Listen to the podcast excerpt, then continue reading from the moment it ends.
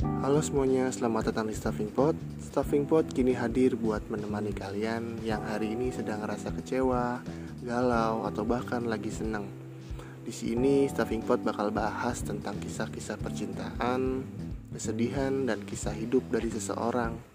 So, jadi kalau kalian punya kisah atau cerita, tapi kalian malu buat diungkapin, bisa kok di-share ke kita. Caranya gampang banget lewat email atau DM nanti kita bawain kok kisah kalian buat kalian yang beruntung.